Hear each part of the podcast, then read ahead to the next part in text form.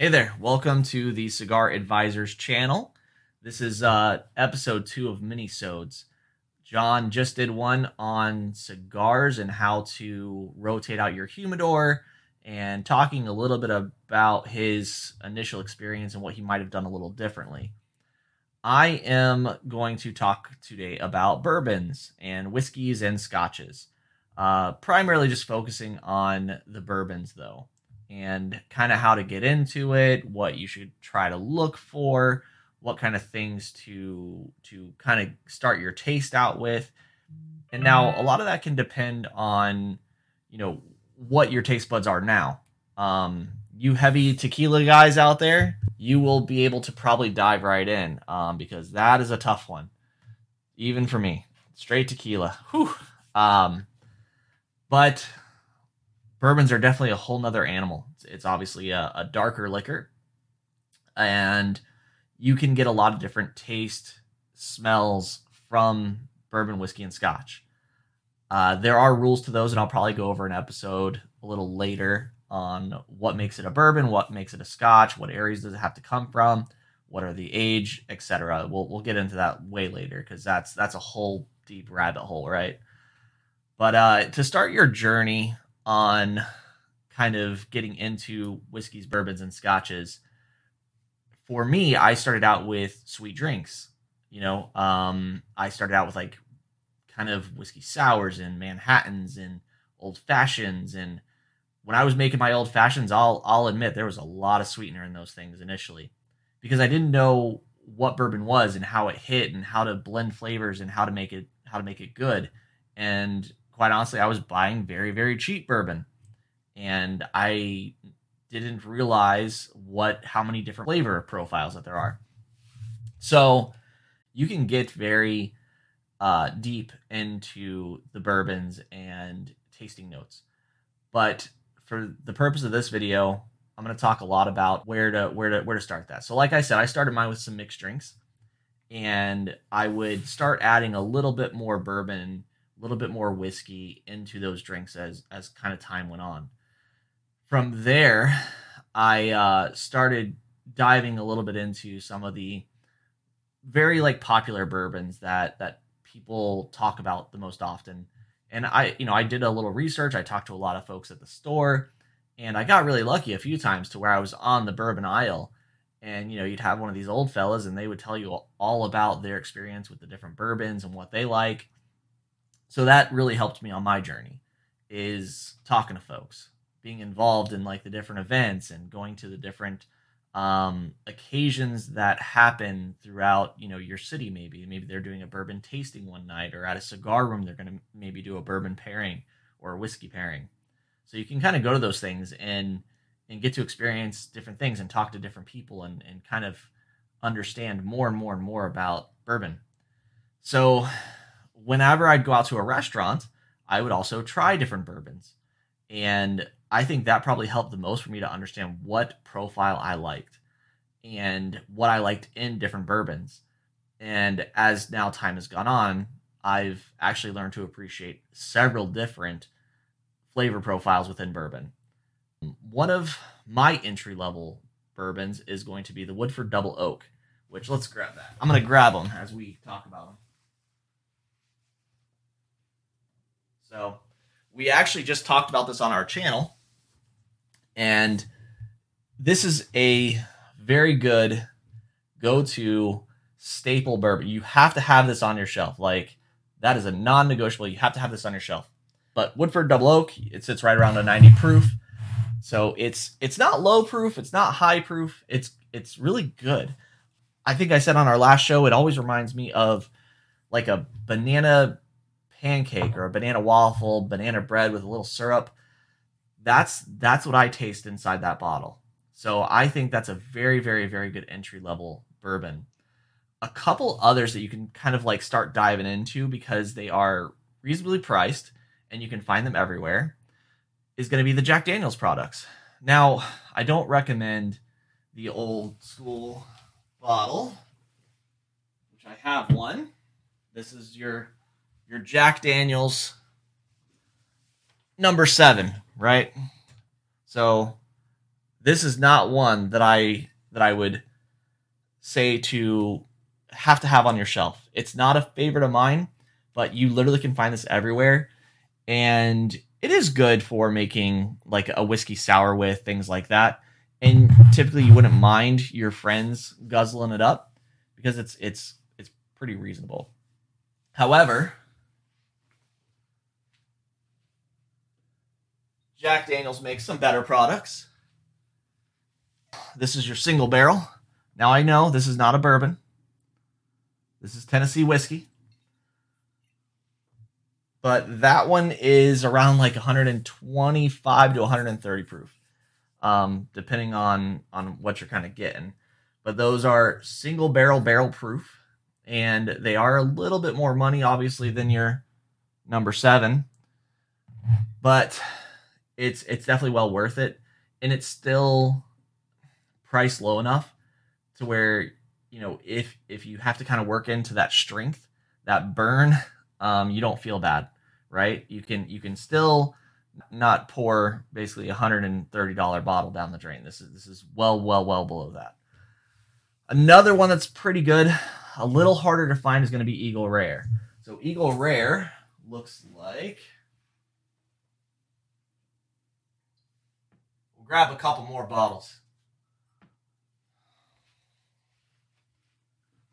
I think this one's unopened. Yeah. Okay. So Eagle Rare. This is your your Eagle Rare bottle here. Like I said, it's a little harder to find um, for now. That comes from your Buffalo Trace distillery. Um, but Eagle Rare is a very good bourbon. Um, it's it's clean. It's good. It's a good entry level bourbon. Um, me personally, I don't do mixed drinks with Eagle Rare, but it's great inside of just a glass if you want to drink it on the rocks. And that's the other thing drink bourbon how you want. Don't let people tell you how to drink it. People tell you don't add water, don't add ice. Do what you want to do. But another good one from the same distillery, Buffalo Trace. Can't really go wrong with Buffalo Trace. It's a wheated bourbon. Um, these sit at 90 proof, which is very similar to that proof in um, Woodford Reserve. So you don't have a real heavy burn. Uh, but you know, in my opinion, when you're trying out and getting into bourbons, it's actually my same advice that I give for cigars. Just don't think and go for low proof because low proof doesn't always mean it's entry level. Um, you may like high proof straight off the bat. You may enjoy just getting into that that that high proof barrel. That might be what you like. That might be the the flavor profile that you like. And if so, go for it. Um, which leads me into Old Forester. Old Forester. Let's go with 1920. So Old Forester 1920. We actually had this on one of our episodes as well, where I got John to taste some different bourbons. But uh, this one is at 115 proof. Now this one drinks hot to me. This one you'll you'll get a little bit of a burn in my opinion. But it is good, and you can find that everywhere. It's not like the Eagle Rare where it's rare, or your Buffalo Trace where they're still kind of a little bit, uh, uh, you know, rare in, in trying to find them. You know, you do have to kind of hunt for them on occasion. They are getting a little bit better, especially outside of. I'm in Florida, so once I start getting up into Georgia, you I start seeing a lot more bourbons and whiskeys that I don't see here, including Buffalo Trace. Um, another one that I really like. This particular one is hard to find, which is pseudo hard to find. That's going to be your Basil Hayden Toast. So Basil Hayden has this really cool band that they put on their bottles, but there's a couple Basil Haydens out there. There's Basil Hayden Dark, um, the OG, you know, Basil Hayden, and they make all good products. You know, you really can't go wrong with a Basil Hayden. And then the last one I want to talk about is going to be the wild turkey, which is definitely cost effective.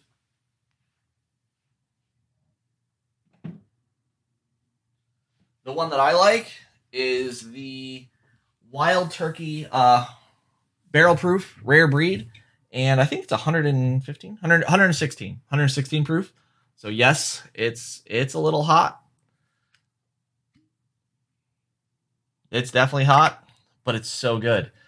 I've done blind tastings to where the wild turkey products will outperform something that like you see up there that's that's a little bit more expensive like Weller's or the the Colonel Taylor. You know, there's there's a few up there that are a little pricey. Uh, but somehow wild turkey they pull it out every time.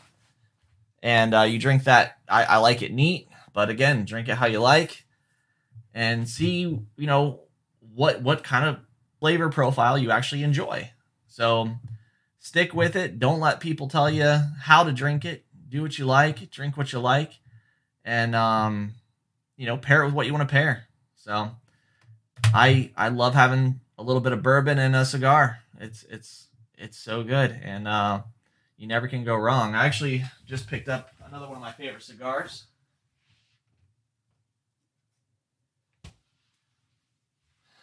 And I love pairing this one with the Woodford Reserve.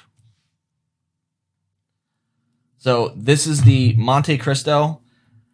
Uh, it's got the coolest bands. I mean, those are pretty awesome, right? So pair it with what you want, though. You know, get what you like. Try it out. Go to the cigar lounges. Cigar International is is amazing. We talk about it all the time. It's one of our favorite places to go. Try the different ones out, and don't always think that more expensive means better. Now, can't go wrong with an Opus X, but and those are expensive. But you you don't always have to focus on expensive. It doesn't always mean better. Um, I promise you that I've smoked some of the most expensive cigars that are that are around, um, that are at least available, and I've had some some really amazing bourbons and whiskeys, Pappy's being one of them. Um, now it's such a unicorn to to be able to find a bottle of Pappy's, but it it's not worth the price of the bottle. Um, another episode we talked about my wife and I going to a liquor store and the bottle, which was a very rare bottle, was Old Forester birthday from I don't remember which year now, but it was four thousand dollars for that bottle. There, there's no flavor in the world, in my opinion, worth four thousand dollars. To collect it, maybe if you're if you're that serious about your collection, but four thousand um, dollars, I I can't justify that in any way. Um, so, like I said, more expensive doesn't always mean better. Try it out. If you ever want to know something, hit us up. Uh, like, subscribe, support the channel. Look at the merch. The, the shirts are pretty cool. I got a few myself. Wife gets tired of me wearing them all the time. Um, but we got caps, jackets, all kinds of fun stuff. So, so support us. Um, tell us what you want to know, what you want to see, what you want to hear, and we'll hit you back. So, peace out. Looking for the ultimate resource to find the best cigar bars in your area? Want to hang out with the folks who have the same passion for cigars as you? Do you want to find a cigar lounge with like minded individuals to relax, network, and get together with friends? This is what the Cigars Advisors are here for a state of the art platform that allows all cigar lovers to locate cigar lounges and bars. This is a place where everyone can come together, share their thoughts, and review their favorite cigar spots without any restrictions. Find your new favorite cigar lounge now by visiting thecigaradvisor.com.